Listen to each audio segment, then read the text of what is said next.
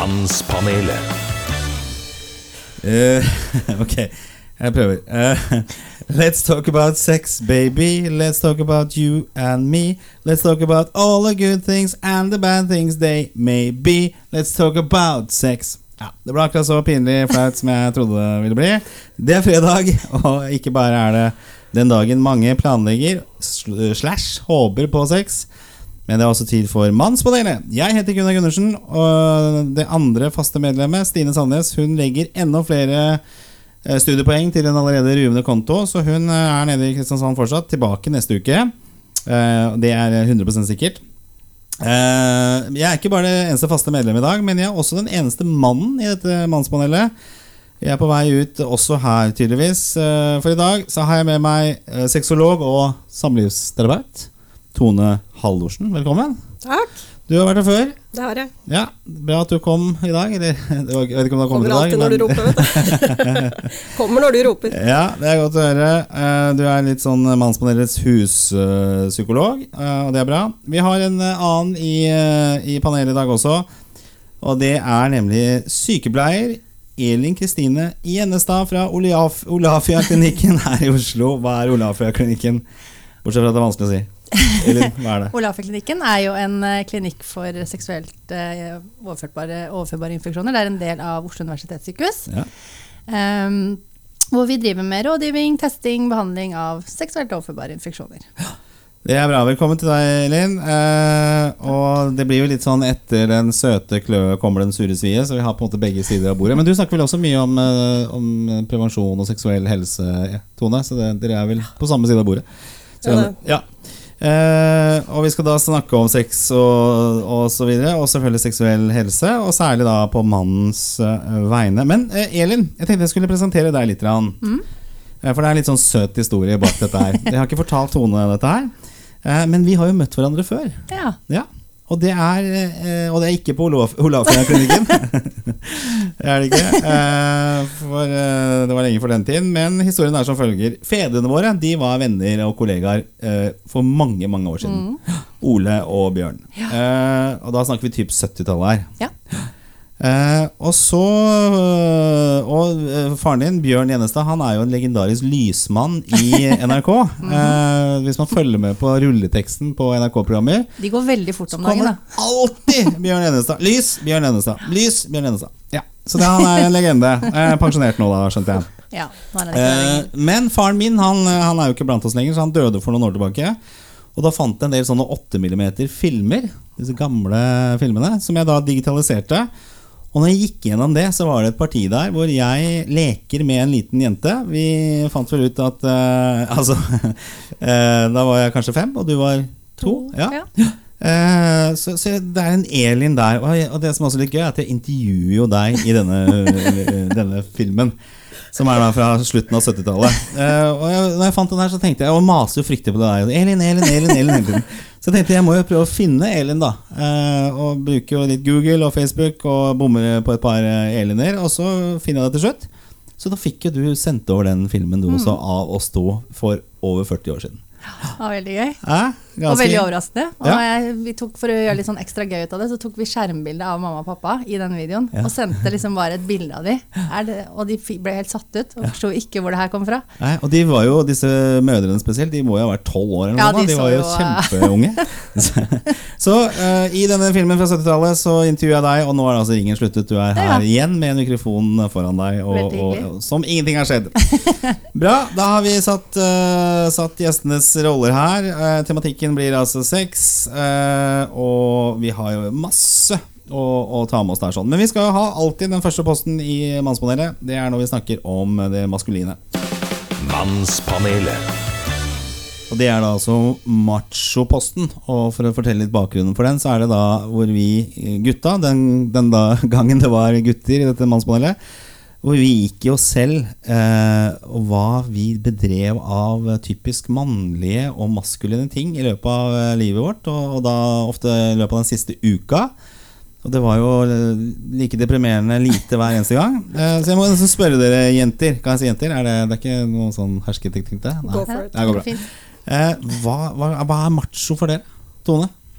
Det å kunne vise følelser Ja. Og det å snakke om hvordan man har det. Ja. Og det å kunne dele åpent da, om alle aspekter ved livet til eh, partneren sin. Og til å tørre å vise sårbarhet.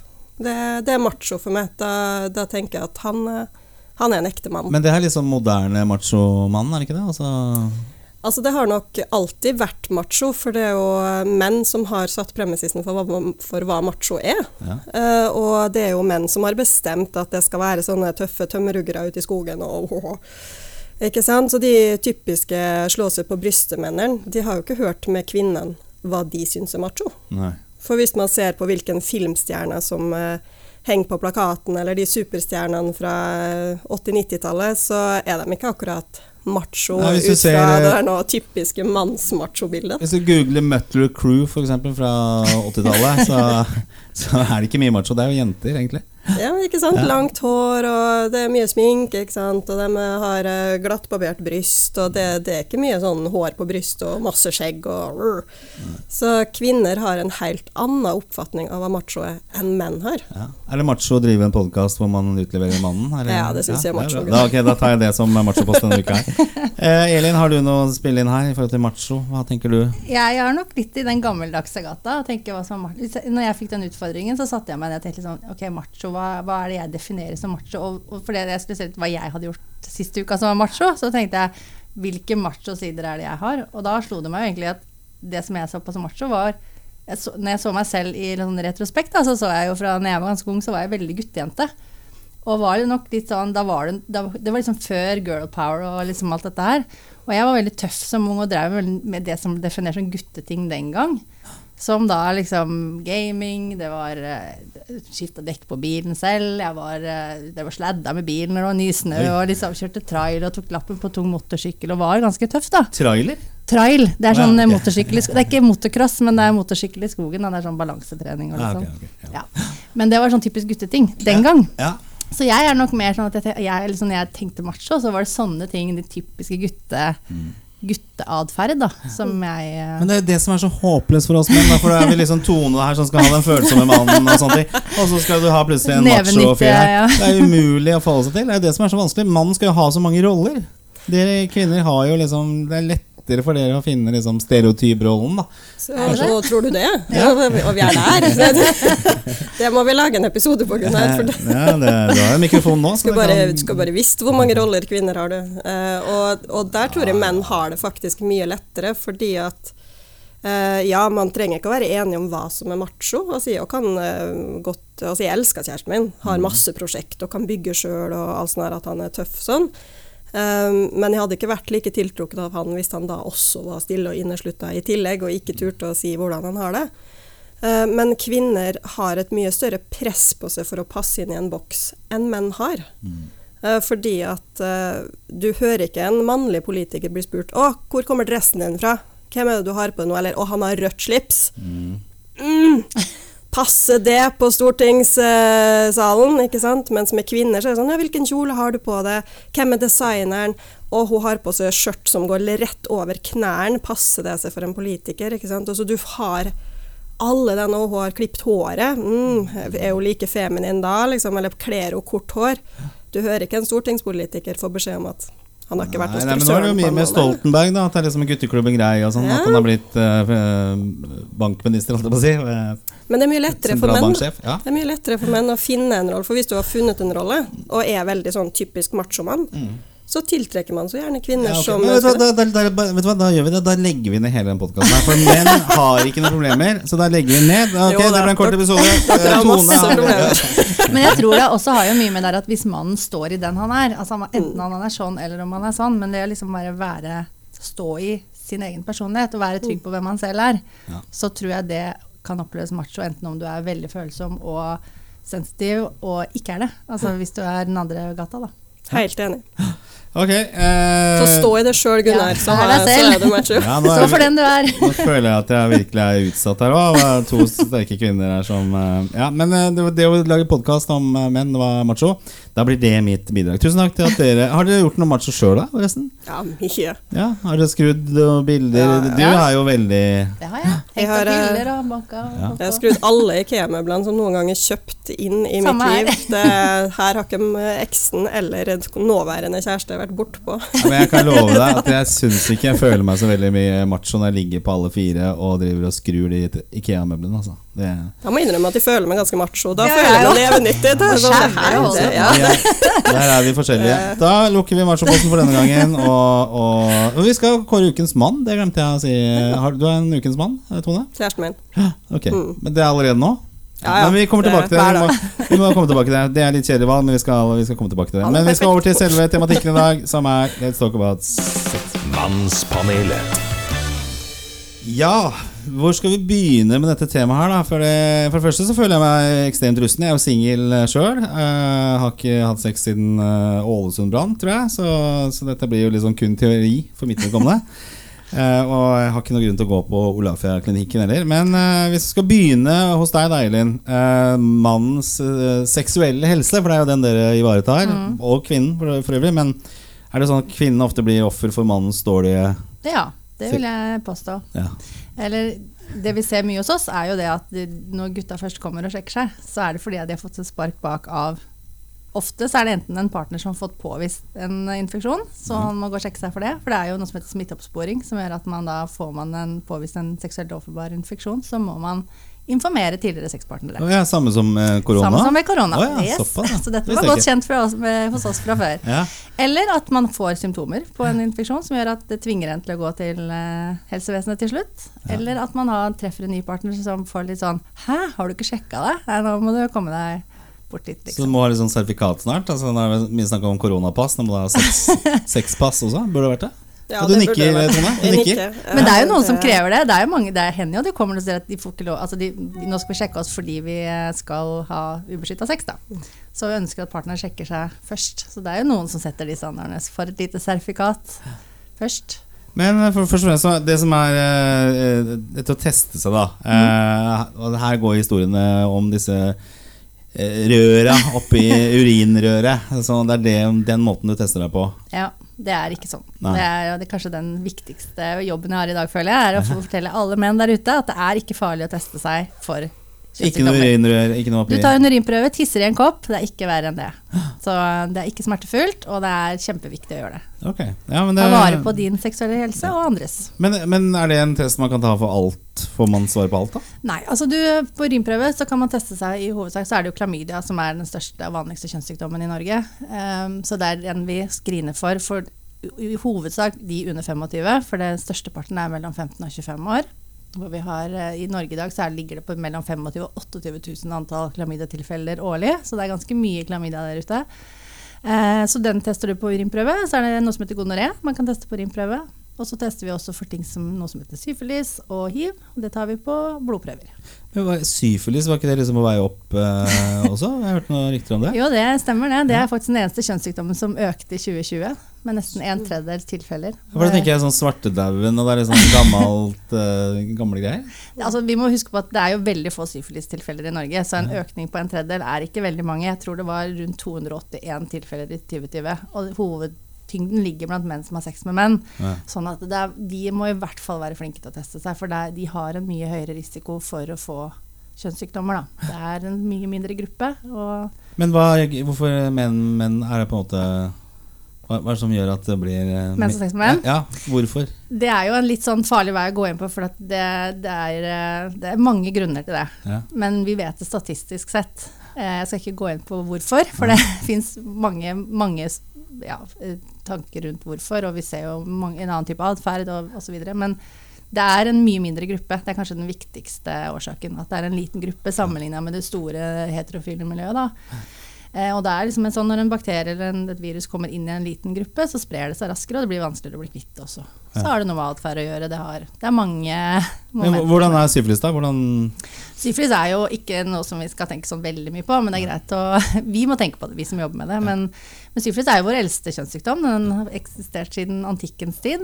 Eh, det som er litt skummelt med den, er jo at man eh, Den kalles en stor imitator. Så du kan Det vanligste symptomet er at man kan få et sår som er smertefritt. Altså du merker ikke at du får det. Du kan få det inn i munnen, eller du kan få det opp i anus, du kan få det i urinrøret, i skjeden.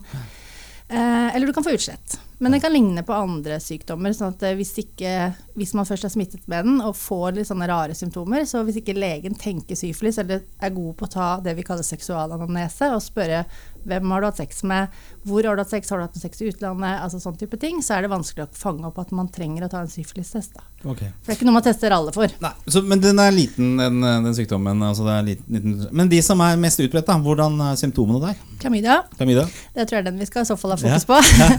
Nei, det vanligste Klamydia er jo, gir jo få eller ingen symptomer. Det er det som er grunnen til at den er blitt så utbredt. Er det noen som har hatt det her? Ja. Du har hatt det? Jeg har hatt klamydia. Mange år siden. Ja, ja, ok. Ja. Fikk to piller, så var jeg ferdig. Ja. Men jeg fikk ganske mye symptomer tidlig, heldigvis, og det var sånn jeg oppdaga det. Uh, og jeg var av de heldige da, som faktisk fikk veldig kraftige symptom, uh, sånn at eh, Hva er de, da? kunne uh, Det var veldig kløe, mye utflod. Nesten som en soppinfeksjon, bare at det var flytende utflod istedenfor den klumpete hvite. Okay. Og så ble jeg veldig liksom slapp i kroppen, en sånn forkjølelsesfølelse.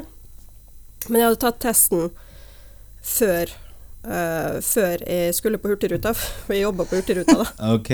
Så jeg tok testen noen dager før jeg skulle på, etter å ha hatt eh, tre ukers pause. Og så hadde jeg en sånn følelse av at det er, noe, som, det er noe som ikke stemmer her. Uh, og på den tida hadde jeg også mange sexpartnere, så det var veldig ta sånn rutinesjekk innimellom. Det er bra. Eh, veldig sånn eh, Ja, veldig, Det er musikk i mine ører. Jeg var veldig, veldig eh, ansvarlig som ung, så jeg hadde sånn rutinemessige årlige sjekker. Det gikk, det gikk for seg på Hurtigruta. Nei, ikke på Hurtigruta, det er ikke lov.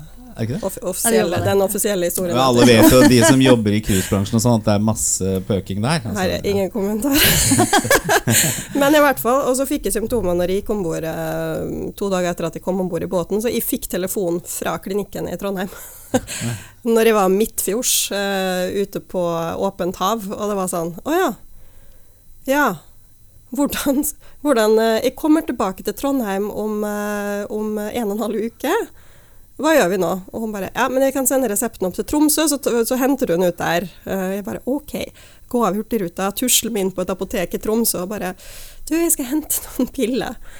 Og eh, så tusler vi tilbake til båten og tar de pillene og så venter på å bli frisk. Det var ikke mer dramatisk enn det, men gud så flaut. Og så fikk jeg beskjed om at ja, så må vi ringe til sexpartnerne dine. Hvor mange har du hatt sex med i det siste? Jeg bare ja, hvor lang periode er det snakk om? Og bare, ja, siste halve året. Jeg bare, Kan du ikke bare rope opp på Hurtigruta, da? Så sier bare nei, jeg, har, jeg må innrømme at jeg har ikke helt sånn Men jeg har ikke kontaktinformasjon eller navnene på alle. En høy, mørk Så, ja, det var, så det var litt det der å, å skulle ringe til de man faktisk visste, da. ja. Eh, hvordan, hvordan er en sånn sånn. samtale når du ringer? Ha- Hallo, Tone! De, så hyggelig, da. jeg må innrømme at jeg var såpass flau at ja. de som var bare sånne randome fuckbuddies, de, eh, de fikk klinikken lov til å ringe for meg. De Jeg bare ga- dem, det. Navnet og telefonnumrene, men så var det mer de faste og litt sånn eh, han jeg var forelska i, og litt sånn, og da måtte jeg ta en telefon sjøl, av respekt, og det var det grusomste en eh, 21-åring kan gjøre, mm, og bare skulle ta den. Du, jeg tror du er nødt til å sjekke det. For jeg, jeg kunne ikke vite om jeg hadde smitta dem, eller dem hadde smitta meg, for jeg ante jo ikke hvor jeg hadde fått det fra. Men det var jeg som var liksom synderen, da. Ja, men det er sånn det blir det, så det, men de tok det pent, de, altså. Men Ja, og- Det bruker vi en del tid å snakke om òg. Du, du har jo også fått det fra et sted, ikke sant? så Ja. det, er det har jo ikke oppstått av seg selv. Sånn at eh, det er ingen som skal få skyldfølelse for det. på en måte. Men manneversjonen er jo å ignorere disse symptomene, og ikke Ja. ringe noen i det hele tatt. Ja. Ja. Men vi er jo sånn at vi, det er, vi ønsker jo helst å gi beskjed, vi. Ja. Det er, men selvfølgelig så er det jo ikke sant, i noen tilfeller om man, man ønsker å informere selv. Og fordi det kan være litt kleint hvis det plutselig kommer et anonymt brev, og man skjønner at ja, det var jo Tone allikevel. Hvorfor kunne du ikke bare sagt det selv? Så det er var, det var en av de fuckbuddiene som hadde skjønt det, for jeg var visst eneste sexpartneren hans i det, i det tidsrommet, og det var ikke forberedt på at jeg var. Eh, Nei. så det er han, så han konfronterte meg neste gang vi møttes, da. At det var liksom Du, den telefonen jeg fikk eh, Jeg bare Hæ, skjønner ikke hva du Hæ, what? Nei, det, det vet jeg Men eh, det er fantastisk. Eh, Takk for at du deler historien. Det, det, Åpenhet eh, gjør ja, susen. ja, det er godt. Det er derfor det er her. Eh, Men eh, hvis du skal ta menn og symptomer Ja. på gonoré, da? Hva er det vi skal på klamydia? Klamydia, unnskyld. Ja. der, tror jeg kanskje. ja. Nei, klamydia gir jo som sagt få eller ingen symptomer. Eh, og hvis en mann får et symptom på klamydia, så er det enten at det kan, det kan klø litt, det kan være et ubehagsfølelse fra urinrøret, det kan være utflod, og gjerne da litt blank utflod. Det gir ofte ikke noe sånn Får du gonoré derimot, så er det to til fire dager etter man har hatt sex, så har man gulgrønn utflod, smertefull vannlatning osv. Så, videre. så det er ganske stor forskjell på de to. Tvinger, det er derfor det er sikkert mye færre tilfeller òg, for gonoré tvinger deg mye raskere til helsevesenet enn det en klamydiainfeksjon gjør. da. Mens du kan gå med klamydia i lang tid uten å merke det. Og hvis du da ikke har noen gode rutiner på å sjekke deg, så kan du rekke å sånn Har du mange sexpartnere en periode, så rekker du å smitte en del folk òg, da. Men hva er konsekvensene da hvis du ikke behandler dette eller gjør noe med det?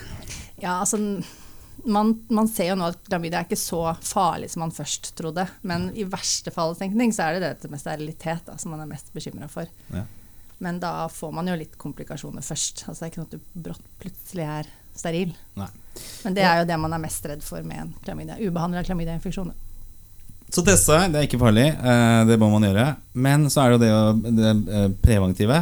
Og det er bare den kondomen som er nøkkelen her. Ja. Det er det. Men, Så er det eh, lavhold, da. ja, da, jeg satser på den.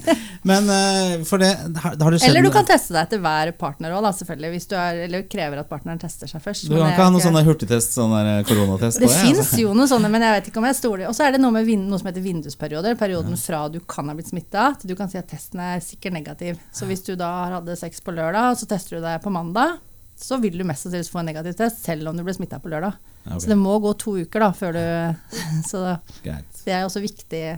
Kondom er lettere, da. Det er litt enklere. Men, eh, dere har jo aldri vært menn og brukt kondom. Men hvordan er det for dere damer med kondom? Er det, liksom, er det, det er ikke noe forskjell for dere, egentlig? jo. Det er jo det. Ja. Altså, man merker jo at det, det, altså, man merker jo forskjell på hud mot hud, og, og ikke skulle til å si, så tar du en kondom på fingeren og stryker på den, så merker du at det er noe over der. Ja.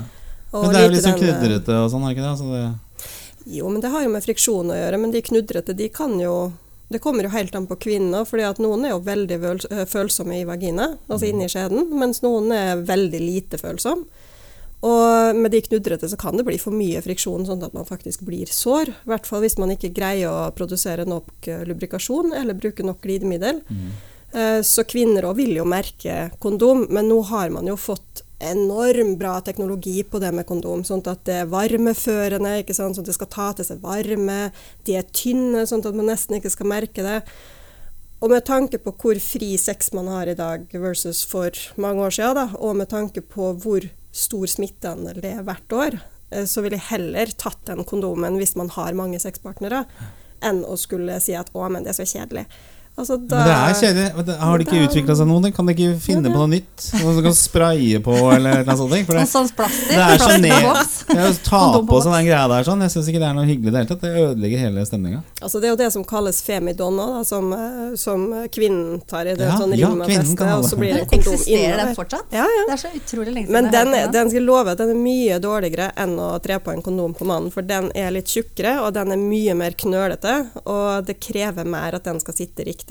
Ja. Så kondom på mannen er mye lettere. Og med tanke på alle de p-pillene og hormonprevensjonene og dritt kvinner tar i seg hvert år, med masse bivirkninger, Ja. så kan mannen ta litt ansvar. Ja, for det har, vært, øh, det har vært i presse nå i det siste at øh, nå får faen meg menn ta ansvaret for den prevensjonen også. Nå kommer pekefingeren til Ja. Tone. Men der vil jeg bare komme med et lite innspill med tanke på det vi snakket om i stad med menn som har sex med menn, som har mye mer infeksjoner i sitt miljø, på en måte. Det er egentlig fryktelig urettferdig, for de er utrolig mye bedre på å bruke kondom enn det heterofile menn Ja, er, er eller menn som har sex med kvinner, da. Absolutt. Ja. Så det er egentlig veldig urettferdig. Ja, det homofile miljøet, det er helt rått på prevensjon, eller på ikke prevensjon, men kondom. Ja.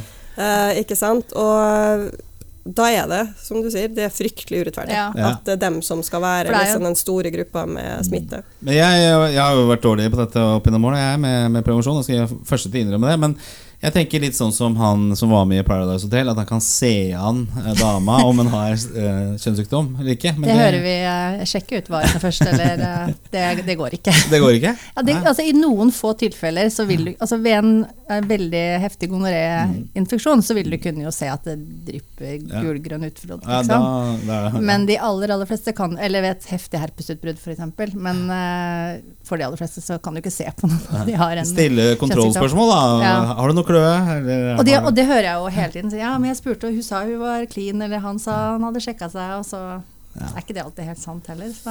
Nei. Men, så kan de ha sjekka seg på feil tidspunkt. Ikke Absolutt. sant? Det at de har Mhm. sjekka seg for tidlig etter sex. For det, jeg har jo hatt klienter som har kontakta meg eh, bare noen timer etter at de har hatt sex, og de sa jeg mistenker at jeg har fått en kjønnssykdom. Og jeg bare det, det kan du ikke vite nå hvis du hadde sex for to timer siden. Ikke sant? Det er ikke sånn det fungerer. Og, og det er jo inkubasjonstid på det meste. ikke sant? Så hvis de tester seg fem dager etter at de har hatt ubeskytta sex og har blitt smitta av klamydia, så er det som du sier, at det kan faktisk gå så lenge som to uker. Så ja, man kan ha sagt at man har testa seg og at man er clean, og så er man ikke det allikevel. Så det, det er veldig vanskelig også, for man kan jo ikke da si at ja, men du løy for meg, for du, han har jo kanskje ikke det. Nei. Men det er vanskelig det med kjønnssykdommer, da, så better safe than sorry. Eh, ja, og kondom som sagt er den, eh, den avgjørende her. eh, og testing, selvfølgelig. Men, men det andre spørsmål er jo Er det andre ting man kan gjøre. Der kommer du mer inn, da, Tone. Som kanskje eh, senker litt risikoen. Altså, hva, er, hva er trendene nå i forhold til, i sex? For å senke risikoen for Ja, å få Du nevnte jo et eller annet her. eh, Noe analstimuli. Ja, man Ja. kan, altså man kan jo Ja. bruke for, leketøy. For det er vel det- eh, penetreringen som er på en måte utfordringen her, ikke det? Altså, Nei, du kan bli smitta av kjønnssykdommer oralt også. Du kan få klamydia og gonoré både i halsen og ja, men det er en slags Uh, Og ved deling av sexleketøy òg. Oh yes. Å ja, ok. Men det er jo penetrering. Men det er jo det er større fare for penetrering. Jeg, jeg tenker bare jeg skal gå over til trender og sånn. jeg. Ja. Hva Altså det er Når man skal hoppe over der, så Mm. vi, vi skal bare ta en liten pause, så skal vi komme på trendene. og bare tørke svetta her. Mannspanelet. Eh, ja, sånn. Nå har jeg fått pusta litt her, sånn. Eh, Det er sånn for Vi som er så vant til å snakke om det, så tenker ikke over det engang. Nei, men altså når du ikke når jeg, ikke har noe sex og sitter her med to damer, så blir det jo for mye for en stakkar, da. Det, sånn er det jo bare. Selv om vi skal ha profesjonelt uh, tilnærming til det. Men eh, ja, eh, trender i 2022. Ja. Fins det Er det sextrender? Oh Finns yes. det? Ja. Og de går i bølgedaler. Opp og ned og bort og frem. Eh, nå er det analleketøy som er trenden. Det blir mer og mer av det. Kvinner blir også mer og mer bevisst på at mannen har masse leketøy tilgjengelig.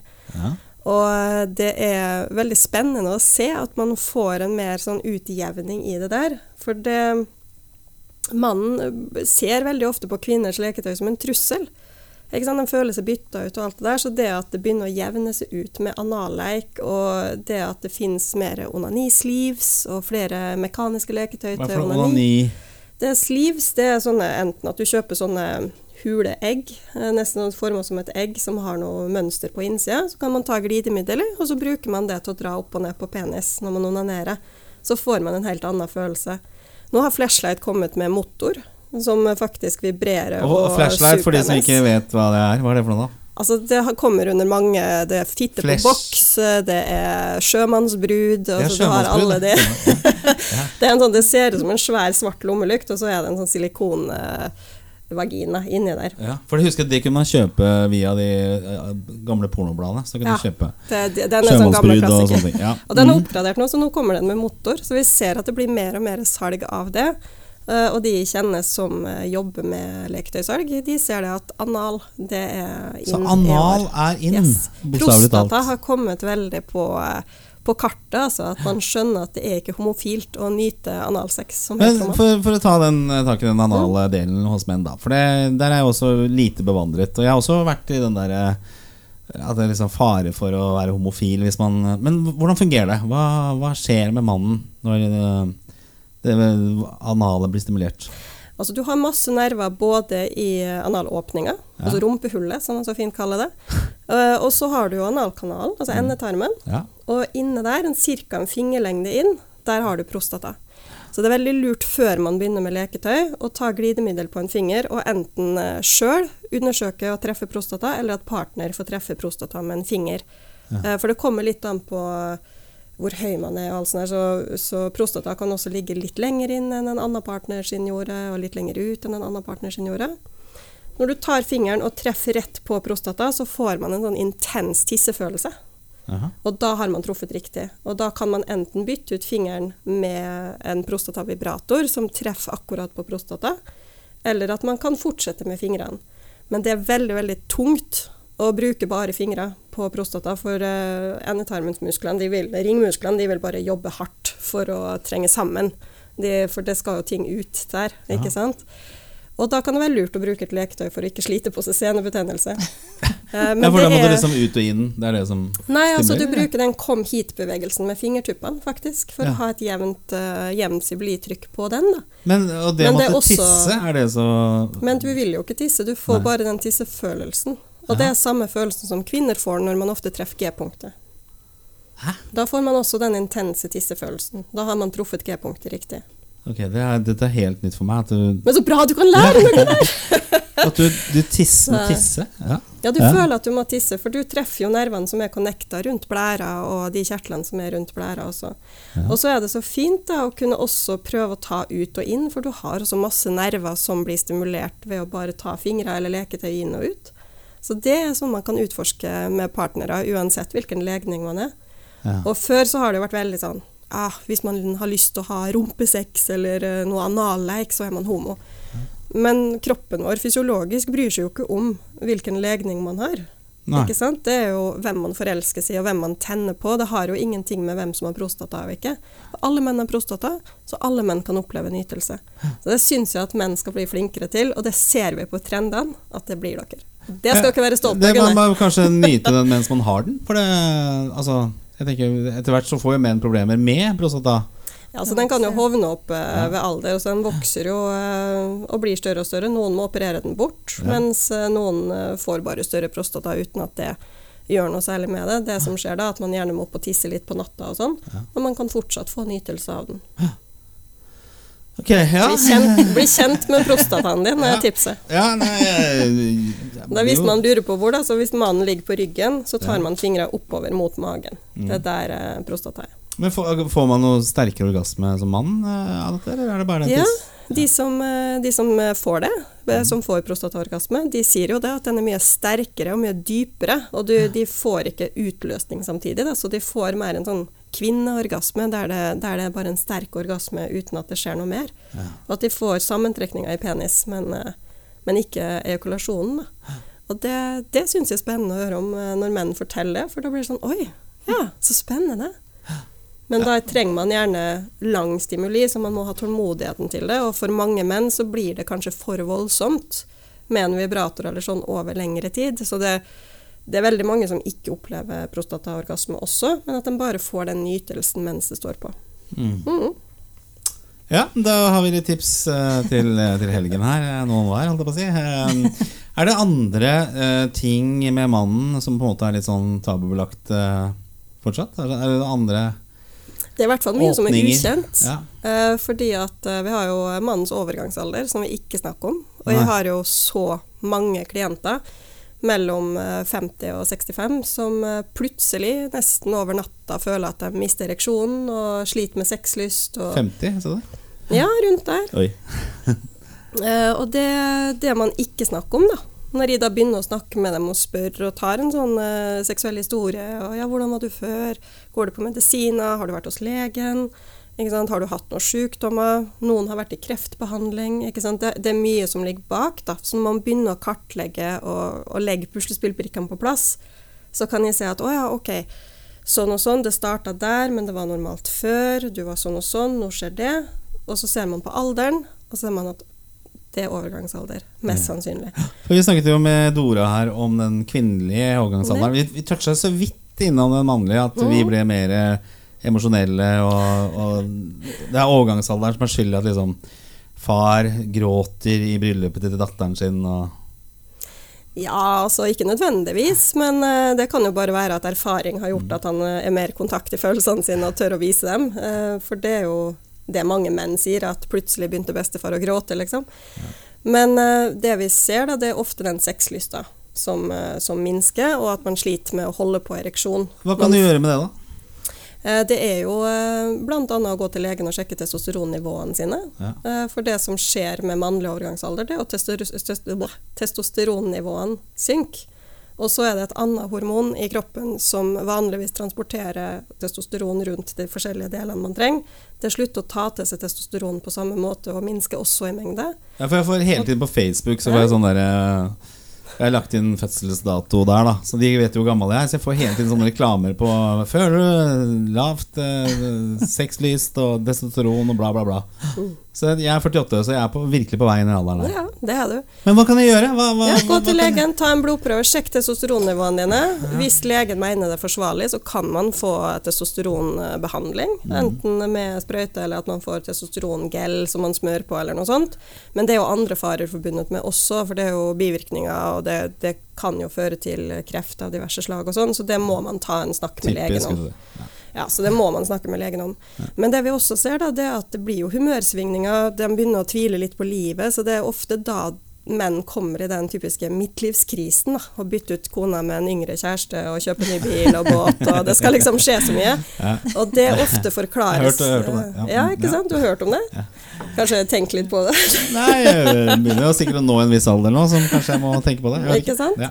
Og det er jo litt det der at mennene da begynner å føle at vi er ikke 30 lenger, og så kjenner man alderdommen tynge litt. Og så skjer det heller ikke så brått som med kvinner, for med kvinner så kan det skje litt sånn over natta, typ, mens hos menn så kan det gå gradvis nedover, så man merker ikke at det er en forskjell som skjer. Og fordi man ikke snakker om mannlig overgangsalder, så greier de ikke å sette det sammen i en, eh, i en sammenheng, og så blir det sånn at nei, jeg må prøve noe nytt, jeg må leve. Det må, jeg må ha en ny bil for å bli lykkelig, jeg må føle meg bra. Åh, kona begynner å bli kjedelig, jeg må få noe nytt så jeg kan føle sexlyst igjen. Du, du, du. Og så er det ikke de tingene som mangler i det hele tatt, men at man rett og slett fysiologisk har endra seg. Da. Men eh, dette med å miste ereksjonen, jeg tipper at det har vel en, eh, det er en fysiologisk årsak, men eh, det får vel en veldig psykisk eh, årsak også. Altså, det er jo en del av oss menn at det å ha benderen, liksom, det er viktig. Eh, Den betyr veldig mye for ja. dere.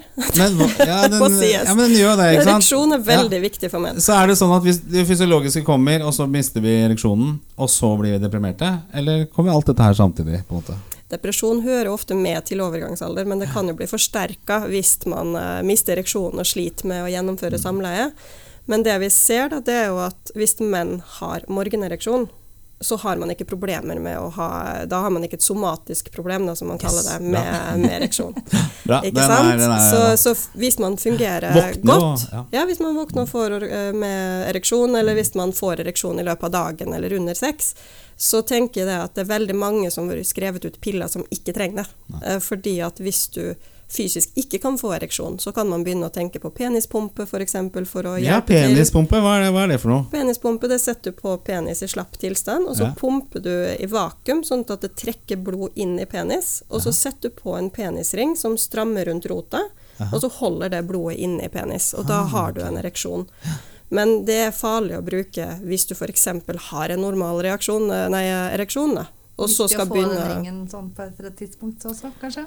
Ja, og den skal ikke være på lenger enn en halvtime. Det er viktig at penisring må ikke være på lenger enn 30 minutter. Og det bør ikke være metall eller glass eller sånne ting. Du skal kunne klippe den av. Eh, ja, eh, det, og det er viktig å få riktig størrelse, for den skal klemme rundt for å stoppe Ja, for- og det er sånn som har en men den skal nederst. ikke være for trang Ja, heller. ja, ikke sånn. Den skal ikke klemme av blodårene. For da blir jo blodet stående der. Og, ja. Ja, så det, Det kan for du kan sprenge ja, du kan sprenge blodårene i penis. Så, men Det- det er mange klienter som kommer til meg som har normal ereksjon, men de mister ereksjonen under sex. Mm. Og så har de vært hos lege eller eh, hos eh, klinikk, og så har de fått eh, utskrevet Viagra, og så har de fått utskrevet penispumpe, og så har de ikke fått noen andre beskjeder.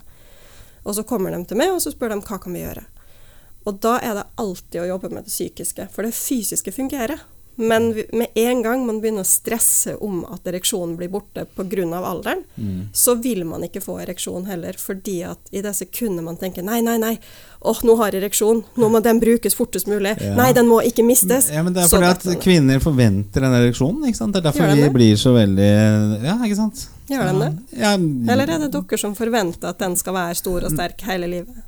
Ja, det er vel eh, gjensidig forventning om at det skal være noe der. Altså Hvis man går inn i et forhold og det, det ikke er noen ereksjon ute og går, så er vel ikke det noe pluss i boka, er det det?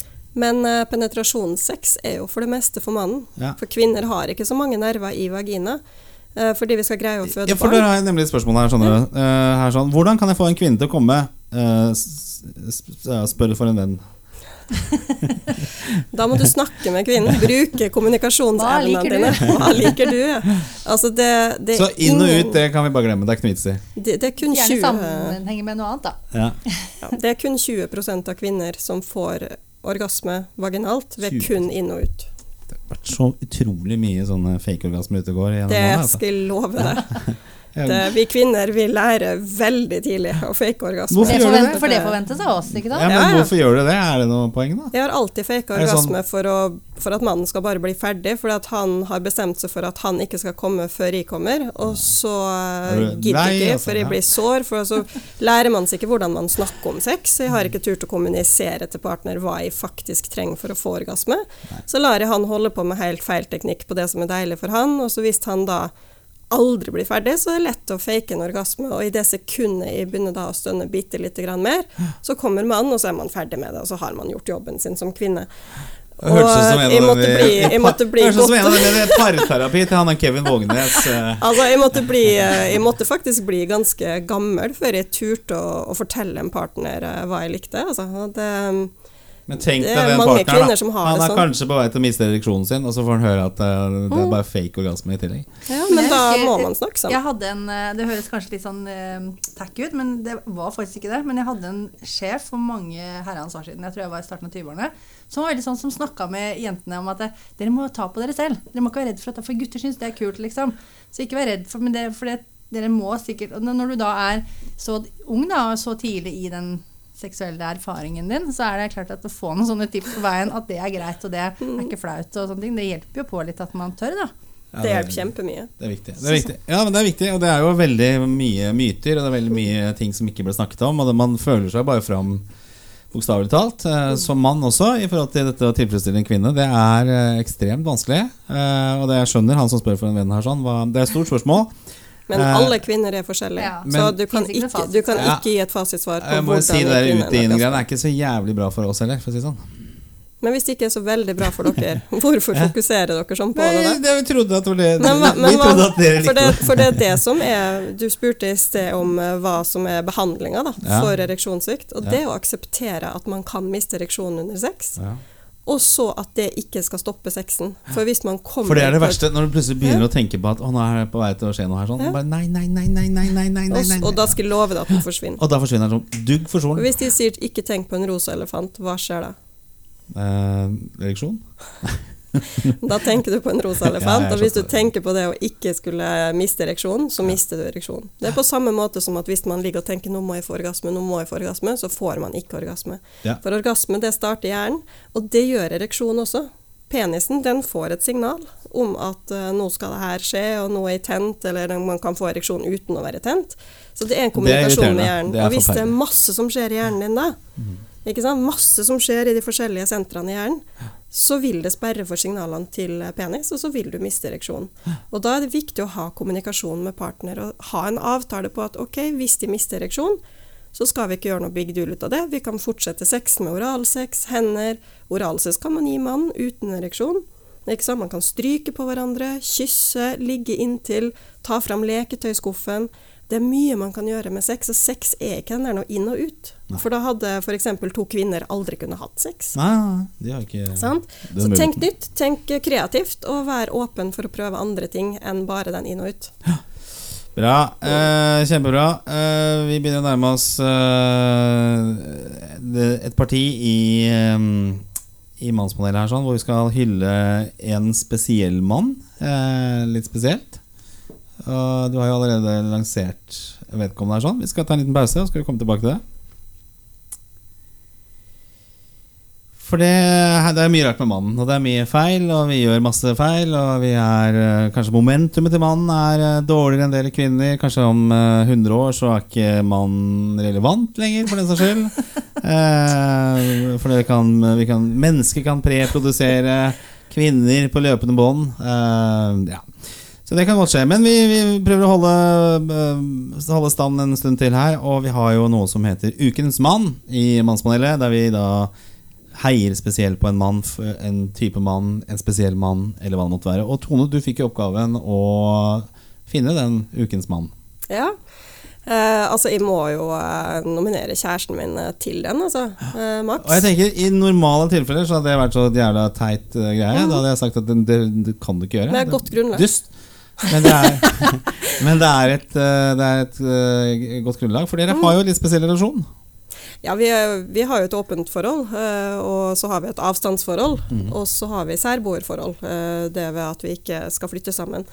Men grunnen til at jeg virkelig ser opp til han som mann, det er fordi at han hele tida er i, i, i endring, og han er hele tida i vekst. Og han tør å ta tak i meningene sine og holdningene sine og, og endre dem, da, hvis han får informasjon som viser det at hans verden tidligere kanskje ikke stemmer med hans verden nå. For han er 53 år, og Oi. eh, han har eh, aldri sett på feminisme som noe big deal, og aldri tenkt over at kvinner egentlig har det så kjipt i verden, liksom. Det, han har aldri tenkt over det, for det er ikke noe han har forholdt seg til. Så. Og så begynte jeg å gi han litt statistikker, jeg begynte å gjøre han oppmerksom på ting. Jeg begynte å fòre han med litt sånn informasjon da, på hvordan kvinner faktisk har det i samfunnet. Så nå er han eh, faktisk eh, selverklært feminist, da, han, han, og han har begynt å legge merke til ting ute på byen. Han har begynt å se kvinner på en annen måte, da, se reaksjonene på kvinner som gjør at han som mann faktisk skammer seg på kjønnet sitt vegne, fordi at kvinner har blitt satt i de situasjonene som de har, da, og skapt den frykten hos kvinner som de har. Uh, I tillegg så er han veldig, veldig flink til å utdanne seg med nye utdannelser. Han er fantastisk flink kjæreste. Han er en fantastisk flink pappa, og nå skal han bli morfar. Eh, Så han, eh, han er liksom den perfekte mannen i mine øyne. Ikke fordi at han er kjæresten min, men fordi at han er et utrolig godt representasjonsevne for det mannlige kjønnet. I Så- måten han er på å gjøre og utvikle seg på. Ja, han er et håp for Han er et mannen. håp for mannen, er rett for og slett. mannen. Men hvordan syns du menn generelt er om dagen, da? Jeg ser et håp der òg, ja. men jeg ser også kommentarfeltene på Facebook hvor innmari lang vei vi har å gå.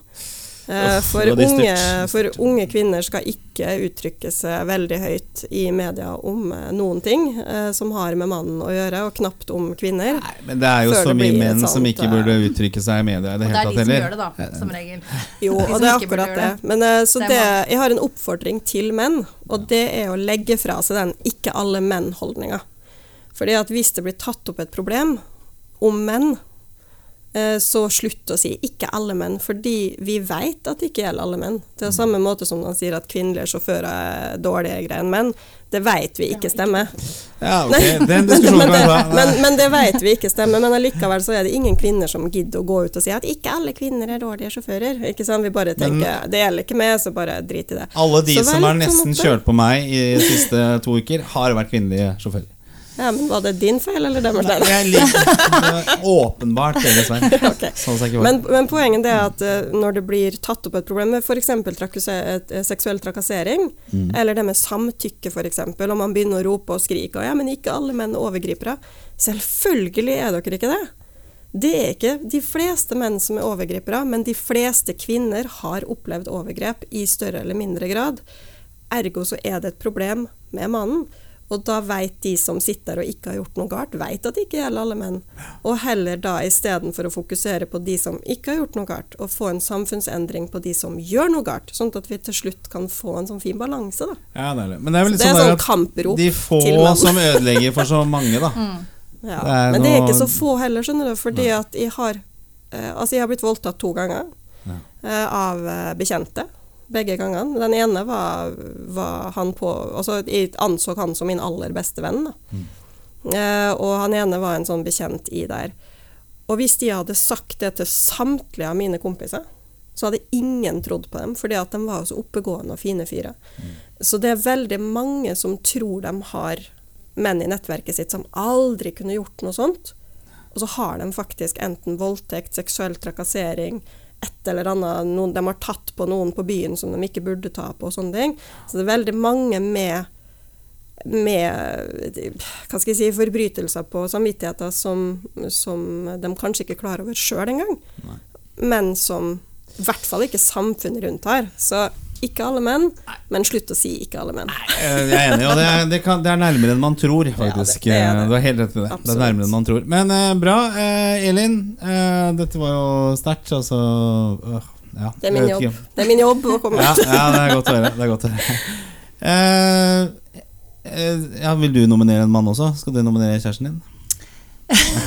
Nå blir hun sikkert veldig sur på meg hvis jeg ikke gjør det. Nei. Nei, vet du hva, faktisk jeg tenkte på jeg satt og tenkte over det, og da tenkte jeg litt på det du sa innledningsvis, med menn som viser følelser og liksom står i sånn der. Og da slo det meg en mann som jeg tenkte Og det er jo han Matoma. Ser dere på The Voice? Nei. Nei. Nei, jeg skal ikke være reklame for det. Nei, Men han er jo altså så Jeg syns jo han er bare helt fantastisk nydelig. Jeg vil ikke innrømme at jeg ser det, i hvert fall. Men hvordan han liksom bare står i å være så følsom og sett altså, Han er jo en verdenskjent DJ som bare kan stå for en tusenvis av mennesker. og når han er så jorda, så følsom, så i touch med følelsene sine mm. det, han, ja, han fascinerer meg veldig som, som mann. ja. Som følsom mann. Ja, så følsomme menn. Eh, to stemmer fra panelet her i dag, Ja, altså. Ja. faktisk. Absolutt. I hvert fall de som tør å stå i det. Ja.